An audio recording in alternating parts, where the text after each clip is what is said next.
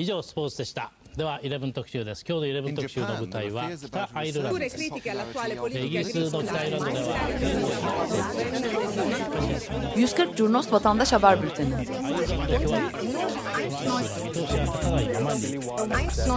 こうした厳しい状況の中で住民同士の和解を図りました Hazırlayan ve sunanlar Cem Aydoğdu ve Engin Önder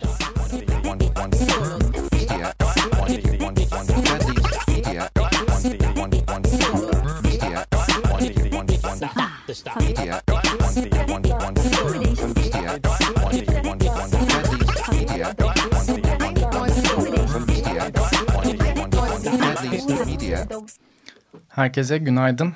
Ee, Açık Radyo'dayız. 140 Curnos'un e, haftalık vatandaş haber bülteniyle 11. bölümüyle karşınızdayız. Ee, bugün 10 Ocak 2014. 2014'ün ikinci programı. Bu haftaki vatandaş e, haberciliği gündemi önüm, e, önceki haftalara kıyasla gerçekten çok daha sakin geçti. Daha çok sosyal medyada e, son gelişmeler üzerine e, yorumlamalar üzerinden aslında gitti diyebiliriz. Bir gruplama yaptık neler oldu e, bu hafta vatandaş gündemi neyi tartıştı üzerine.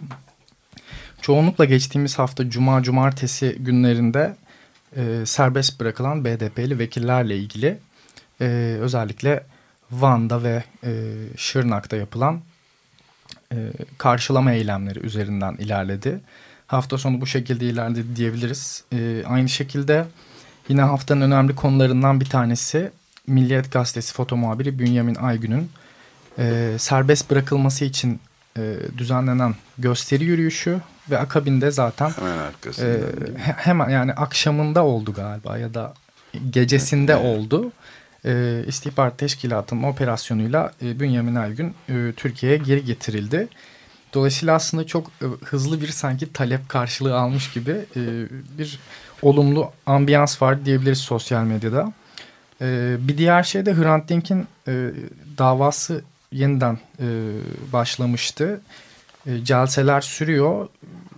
Bir takım yakalama kararları çıkartıldı. Sonra serbest bırakılmalar tekrar oldu. Bununla ilgili özellikle bizim gözlemlediğimiz tepkiler vardı. Ve Paris katliamı protestoları vardı. Galatasaray'da özellikle epey e, yoğun protestolar yapıldı dün öğleden sonra. Bir yandan da Berkin Elvan'ın doğum günü e, idi geçtiğimiz pazar günü. Dolayısıyla bununla ilgili de e, vatandaşlar içeriklerini üretti. Çok kısa şöyle bir toparlama yapmak gerekirse 10 Ocak e, gündeminde geçtiğimiz hafta neler yaptık? BDP milletvekilleri İbrahim Ayhan ve Gülser Yıldırım önce tahliye edildi. Akabinde Urfa'da e, gruplar Bici Serok Apo sloganlarıyla tahliye, tahliye olan milletvekili İbrahim Ayhan'ı e, karşıladılar. Burada ciddi bir kalabalık e, gözlemledik. Fotoğraflar üzerinden şekillenen bir e, içerik kültürü vardı bu hafta. Ertesi günde Diyarbakır 6. Ağır Ceza Mahkemesi tutuklu BDP milletvekilleri Selma Irmak ve e, Faysal Sarıyıldız aynı zamanda Kemal Aktaş için tahliye kararı verdi. Bu sefer de onların seçim bölgelerinde e, kutlamalar, karşılamalar için e, organizasyonlar düzenledi e, vatandaşlar ve BDP örgütleri. Şırnak'ta Cizre'de de e, karşılamalar ve kutlamalar vardı. Aynı şekilde Van'da da bunları gözlemledik. Buradan yoğun şekilde içerik akışı geldi. 140 Curnos e, Twitter sayfasında da bunları canlı olarak paylaşma fırsatı bulduk. Bünyamin Aygün dedik. E, Galatasaray Meydanı'nda e, toplandı. Gazeteci arkadaşları ve Bünyamin Aygün'ün serbest bırakılmasını talep eden sivil inisiyatifler. E, özellikle Twitter'da da çok yoğun bir kampanya vardı bununla ilgili.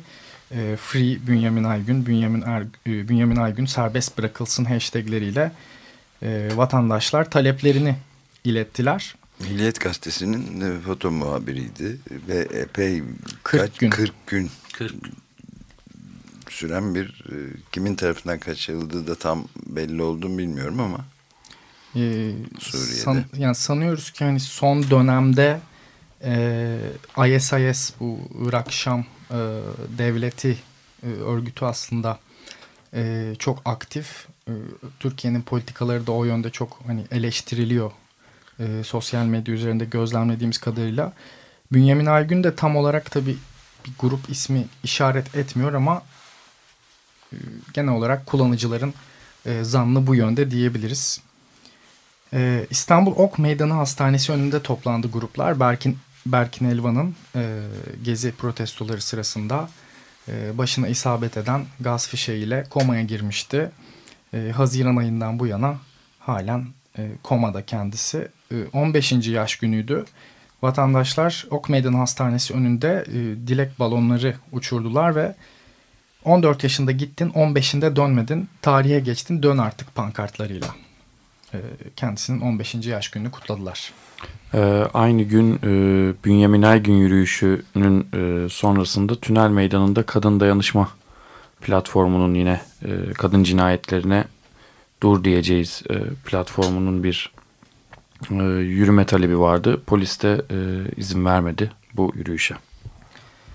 Hatta ee, ufak e, itişmeler oldu. Polis e, kalkanlarıyla e, kadınları tünel meydanı dışına e, itti. Hı. Böyle bir olay yaşandı. Yürüyüşe izin vermediler. Evet. E, son dönemde özellikle İstiklal Caddesi üzerinde e, polisin e, eylemlere pek tahammülün olmadığını görüyoruz. Hangi konu olursa olsun değil evet. mi? Evet yani gazeteci Bünyamin Aygün e, serbest bırakılsın yürüyüşüne de aynı şekilde izin verilmedi. Yaklaşık bir yarım saat sürdü görüşmeler. Akabinde yarım saat sonunda e, tünel meydanına doğru yürüyüşe izin verildi. Evet bir yandan da vatandaşlar e, hani ben de e, şahsi hesabımdan da paylaşıyorum. İstiklal Caddesi'nde bir asfalt e, yol yapılıyor. Arnavut kaldırımlar özür dilerim kaldırım taşları kaldırılarak asfaltlar dökülüyor. Bu da öyle zannediyorum ki Toma araçlarının daha rahat hareket edebilmesi için bir yöntem.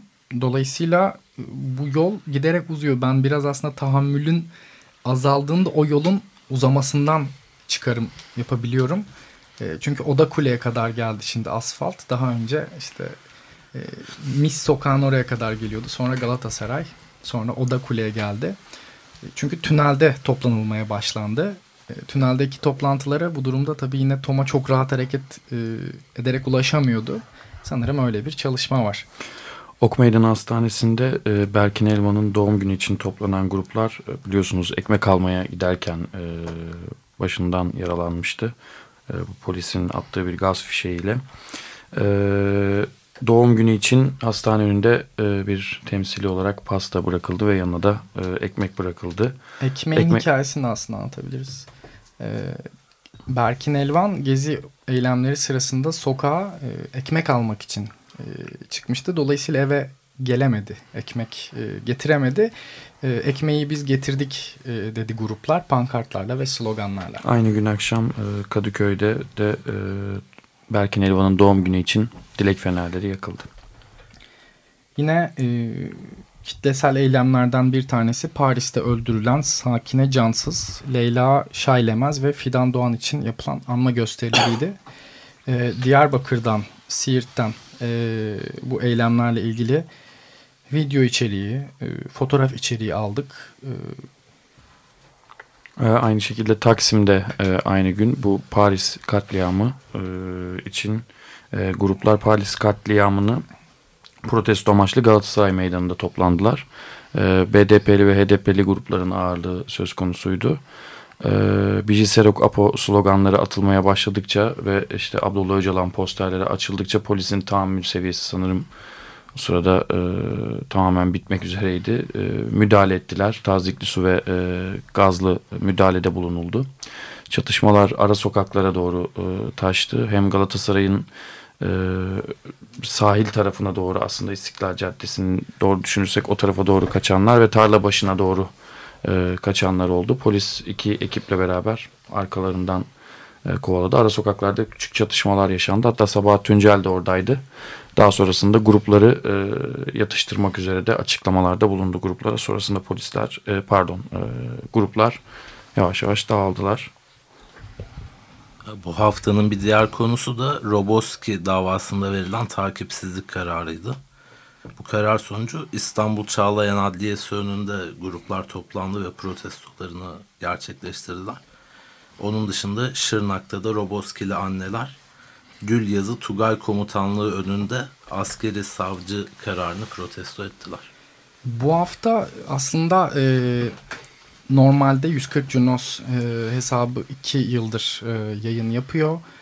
E, bu hafta da ikinci yılını tam olarak doldurmuş olacak. E, iki yıl önce başladığımızda aldığımız çok enteresan eleştiriler vardı. Normalde eleştiri almıyorduk ama aldığımızda bir enteresandı diyebiliriz. E, cemaatçi misiniz, Mao'cu musunuz anlamadık de, demişti bir e, sevdiğimiz akademisyen. E, dolayısıyla şimdi bugünlere tekrar geliyoruz iki sene sonra. Geçtiğimiz günlerde haftanın genel olarak karakteristiği işte BDP'li vekiller, HDP'li vekiller, serbest bırakılan BDP'li vekiller, işte karşılamalar, Roboskili anneler, e, Roboskili annelerin e, kışla önündeki eylemi derken genel olarak e, Kürt kökenli vatandaşlardan gelen bu içerikleri paylaştık ve ondan sonra e, bir takım eleştiriler doğrudan 140 Junos'a yöneltilmeye başladı. E, bu sefer de e, PKK'lı mısınız mı diyorlar. Şimdi, şimdi PKK'lı mısınız diyorlar. Sonra işte sessiz çığlık eylem var. Bu kontrastı ben çok seviyorum. Çünkü hafta sonu e, özellikle hafta sonu bunu çok net görüyoruz. E, bir yerde sessiz çığlık eylemi oluyor. E, tutuklu ordu mensupları için. Bir yerde e, Roboskili anneler e, haklarını arıyorlar. Evlatlarının hesabını soruyorlar aslında bir anlamda. Her cumartesi cumartesi anneleri kayıpların failleri belli.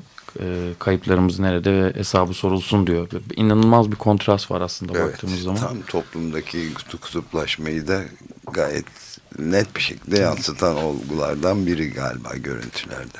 Evet. E, bir yandan da hani yine önemli e, haberlerden bir tanesi bu hafta. Evet, e, Hrant Dink cinayetiyle ilgili tutuklanan sanıklar vardı. Tutuklu yargılanması talep edilen Osman Hayal ve Zeynel Abidin Yavuz e, önce tutuklandılar. E, akabinde bir gün sonra değil mi sanırım serbest bırakıldılar. Hı hı. Böyle kısaca da hani çabukça da anlatmış olduk aslında iki maddede kolayca bu davayı özetlemiş olduk bu hafta. Evet. E, ben sabah bir haber gördüm. E, Amerika'da Pew Research Center bir araştırma yapmış e, Twitter'daki ve Facebook'taki haber takibiyle alakalı olarak. E, Twitter'dan ta haber takip eden kullanıcıların Facebook'tan takip edenlerden daha genç ve e, eğitim düzeyinin daha yüksek olduğu ortaya koyulmuş. Ayrıca Twitter'dan e, haber takip eden e, kullanıcıların e, demografik olarak, e, cinsiyet olarak dağılımı da %50-50. Facebook'ta bu daha e, erkek domine bir şekilde. E, hani bunları söylüyorum çünkü Türkiye'deki kullanım alışkanlıkları da yani küçük bir Amerika diyebiliriz. E, özellikle hani e, mobil e, araç kullanımı açısından da Türkiye çok ciddi istatistiklere doğru ilerliyor. Çevremizde zaten çok sık görüyoruzdur. E, akıllı telefon ve tablet bilgisayar kullanımı, mobil internet kullanımı çok ciddi seviyelere ulaşmış durumda. Yani hani herkes bahsediyor ya yani cebinde paran yoksa bile bir akıllı telefon bir şekilde alıyorsun. Sanıyorum en çok haber takibi de yine o araştırmaya göre cep telefonları üzerinden e, yapılıyormuş. Hı hı. E, bunun tam tersini düşündüğümüzde galiba en iyi haber üretimi de vatandaş gazeteciliğinde telefon üzerinden, mobil platform üzerinden gerçekleşiyor. Evet, yani 140 Junos'ta zaten e, format şu şekilde oluyor. E, gazetecilik kökenli olmak zorunda değilsiniz. Hatta olmamanız daha da iyi. Bu hafta hatta iyi örneklerden evet. bir tanesi mobil telefonu ve haber üretimi konusunda e, gerçekten e, iyi örneklerden birisi oldu. Bir e, takipçimiz aynı zamanda da çok ciddi içerikler üreten Et Z Pervin e, Niki ile e, içerik üreten bir e, aktif kullanıcı. Evet. Valla her yerde ve en son bu Galatasaray e, eylemlerinde de başından sonuna kadar neredeyse tüm polis müdahalelerinde küçük kısa Vine videolarına çekerek e, kamuoyunu aslında Twitter kamuoyunu epey hı hı. E, o konuyla ilgili bilgi sahibi yaptı. Kendisine de çok teşekkür ediyoruz. Evet yani e, çok ciddi anlamda mikro video üretimi yapıyor ve daha önceki e, programlarda da muhtemelen bahsetmişizdir. E, sadece İstanbul'da da değil çeşitli illerde Ankara'daki davaların içerisinden de içerik geçiyor. Duruşma salonlarından geçiyor. Mikro video paylaşıyor çoğunlukla. E, acar muhabir diye hani bir e, bayat bir tanım vardır ya hani onun e, günümüze uyarlanmış hali diyebiliriz. Buradan Pervin'e çok teşekkür ediyoruz. Bu daha önce de bahsettiğimiz üzere e, 140 Junos'ta hatalar da yapılabilir ama aslında biz e, her zaman daha az yanlış yapmaya e, gayret ediyoruz. Çünkü hiçbir profesyonel gazetecilik geçmişimiz yok. Bizler bugüne kadar pasif medya tüketicileriydik. Fakat e, 140 Junos hikayesi özelinde bunu söyleyebilirim. Uludere'de yaşananlardan sonra bir aydınlanma yaşadık aslında. Çok geç bir aydınlanmaydı bu. E, kurumsal medyaya neden güveniyoruz ki dedik. E, onlara gerçekten muhtaç mıyız dedik. Çünkü cebimizde bir e, akıllı telefon var. Üretim için kullanmıyoruz. E, bir de mobil internet var. E, artık bir takım alışkanlıkların değişmeye başladığını fark etmiştik. Sonrasında sokağa çıktık e, ve gördüklerimizi hiçbir yorum katmadan paylaşmaya başladık.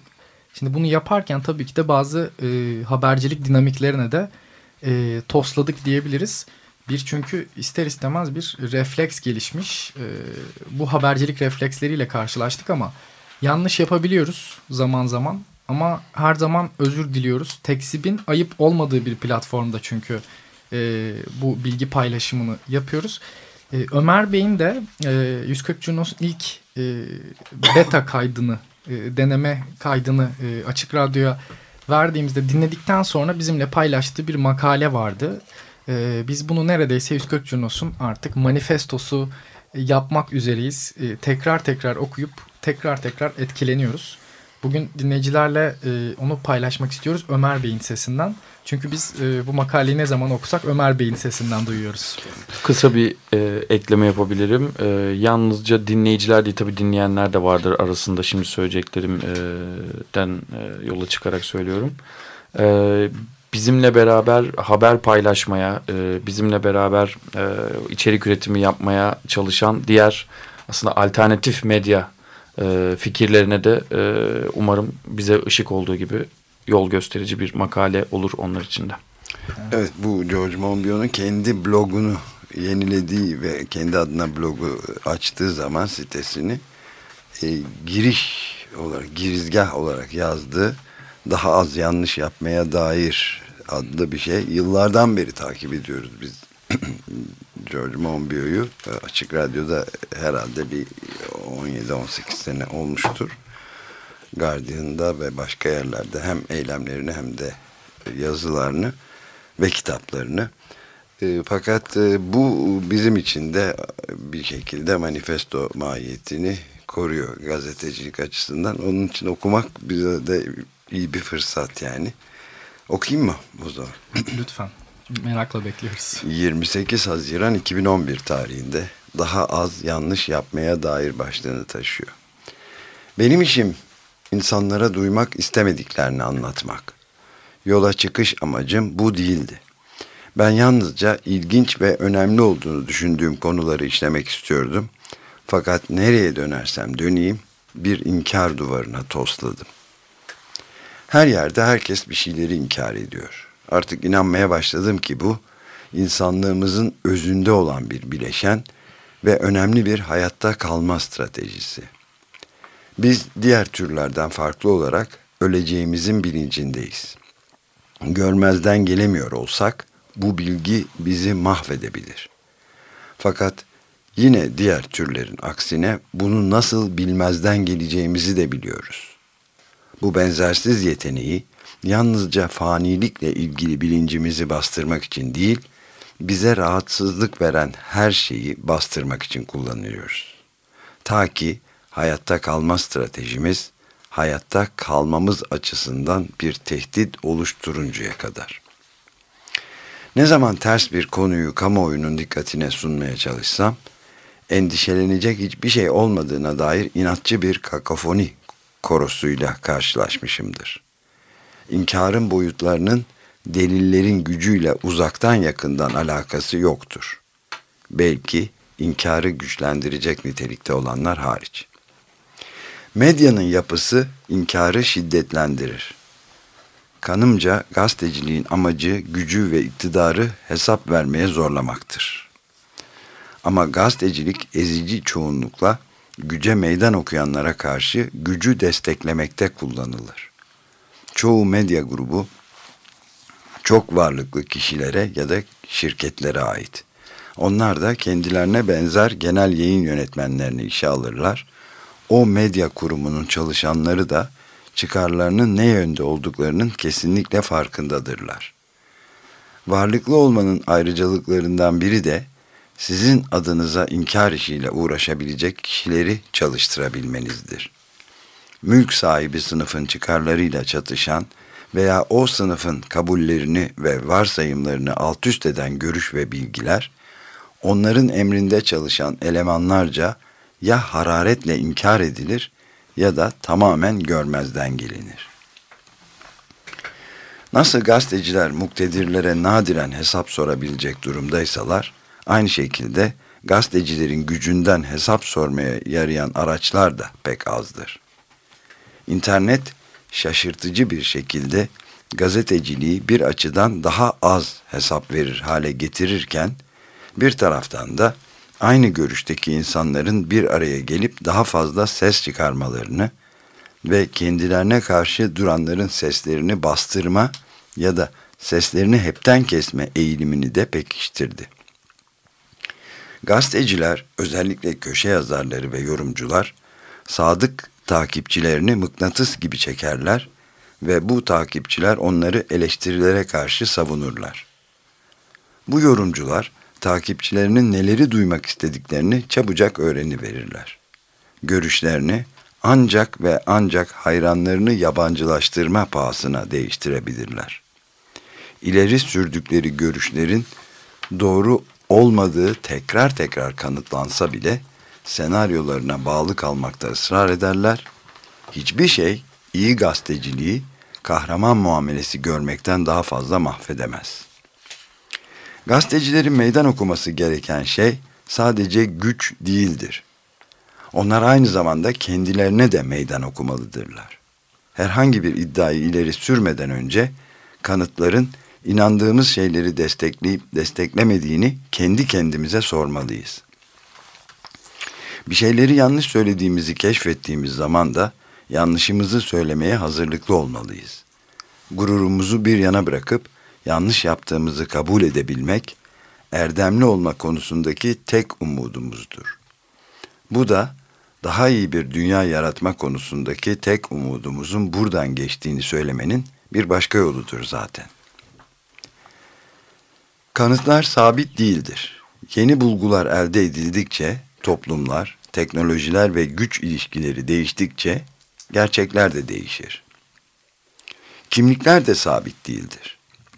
İnsanlar bir anda kurban, bir başka anda zalim olabilirler. Kanıtları göz ardı ederek bir inanç kümesini sürdürmenin hiçbir erdemli tarafı yoktur. Hatta ne başka insanları sorgusuz sualsiz takip etmenin ne de kayıtsız şartsız sadık kalan bir taraftar ordusu yetiştirmenin erdemli bir yanı vardır. Kesin yanılgı içinde olabiliriz pekala. Ama kesinlikle haklı olmak diye bir şey yoktur. Kişinin yapabileceği en iyi şey eldeki kanıtları sürekli gözden geçirmek ve bilgilerini sürekli iyileştirip güncellemektir. Bunları yapmaya gayret eden gazetecilik okumaya değerdir yapmayanı ise zaman kaybından ibarettir. Aynı derecede önemli olan bir diğer husus da şudur. Gazeteciler dile getirdikleri gerçeklerin kaynaklarına referans vermeli ve ulaştıkları sonuçlara nasıl vardıklarını böylelikle göstermelidirler. Kimseye güvenmeyin ama başvuru kaynaklarını sağlamayanlara en az güvenin. Herhangi bir alanda sana kendi kayıtlarını göstermeyecek biri şarlatandan başka bir şey değildir.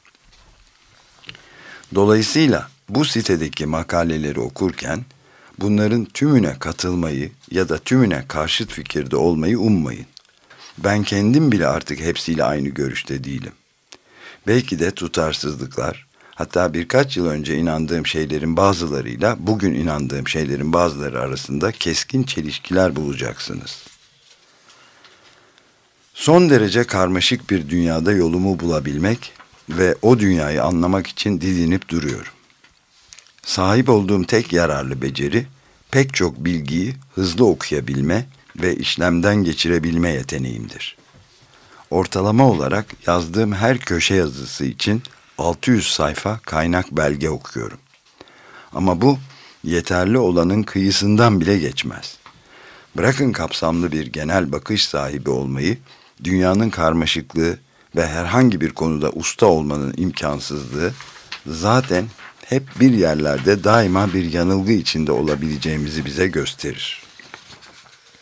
Karmaşık bir sistem sade, yalın ve tutarlı yanıtlar üretemez. İnsanoğlu ya da akla gelebilecek başka herhangi bir varlık tarafından yaratılan bir sistem mükemmel cevaplar üretemez. Yaptığımız her seçim bir takım kazançlarla uzlaşıları kapsar. Bu benim yavaş yavaş ve kerhen aldığım bir ders. Ne var ki belli bazı meseleler hakkındaki görüşlerim değişir ve daha da karmaşık hale gelirken temel ilkelerimde herhangi bir değişiklik olmadı. Temel ilkelerimse her kim mağdursa onun yanında durmak ve her kim zalimse onun karşısına dikilmektir. Bizler yoksulu zengine karşı, güçsüzü güçlüye karşı, silahsızı silahlıya karşı savunmak durumundayız. Bize hayra, hayat veren biyosferi savunmak zorundayız. İki sebepten dolayı. Öncelikle o harika bir şey olduğu için savunmalıyız onu. Ayrıca elinde güç bulunduran, yani halen sağ ve salim ve de paralı olan bizlerin henüz doğmamış veya düşkün durumda olan ötekileri hayatta kalmalarını sağlayacak araçlardan mahrum bırakmaya hakkımız olmadığı için savunmalıyız onu.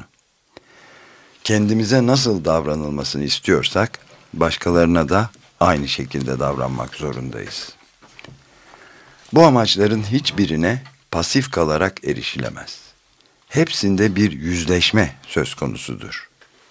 Diğer çatışma türleri kendimizin ve başka insanların inkarcılıklarıyla ve gücü elinde tutanların yalan dolanlarıyla karşı karşıya gelmeyi gerektiriyor. İşte benim rolüm de bu noktada başlıyor. Bu sitedeki makaleler benim araştırma yoluyla güce karşı koymak ve duymamayı tercih edeceğiniz türden hikayeler anlatmak üzere düşe kalka sürdürdüğüm çabalardan ibarettir. Makale bu kadar. Çok teşekkür ediyoruz Ömer Bey. Harikaydı. Çok teşekkürler. Ee, program sona gelmeden bu son iki güne damgasını vuran bir şey de ekleyelim. Biliyorsunuz 5651 sayılı kısaca internet kanunu olarak geçen kanunla ilgili bir değişiklik teklifi var şu an ve sosyal medyada onunla ilgili çok ciddi tepkiler, eleştiriler var. Özellikle sansüre hayır de, sansüre dur de ve internetime dokunma hashtagleriyle tepkiler ortaya konuluyor. Ee, sanıyorum haftaya 18 Ocak'ta da bununla ilgili e, offline hayata geçen eylemler yapılacak. Evet, Türkiye'nin farklı yerlerinde 18 Ocak günü internetime dokunma eylemleri var. 140 Junos'ta. Ee, oradan da elbette içerik paylaşacağız. 140 Junos'un 11. bölümüyle karşınızdaydık. Haftaya Cuma günü saat 10'da tekrar görüşmek dileğiyle. Çok teşekkür ediyoruz. Görüşmek üzere. Hoşçakalın. 以上スポーツでしたでは11特集です今日の11特集の舞台は北アイルランドですイギリスの北アイルランドでは 140 Curnos Vatandaş Haber Bülteni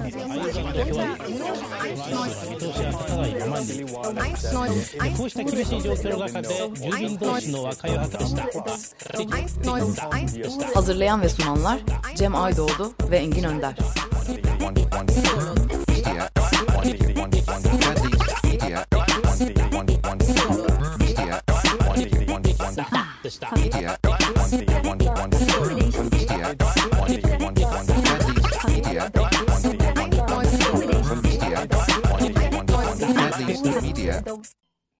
Açık Radyo program destekçisi olun. Bir veya daha fazla programa destek olmak için 212 alan koduyla 343 41 41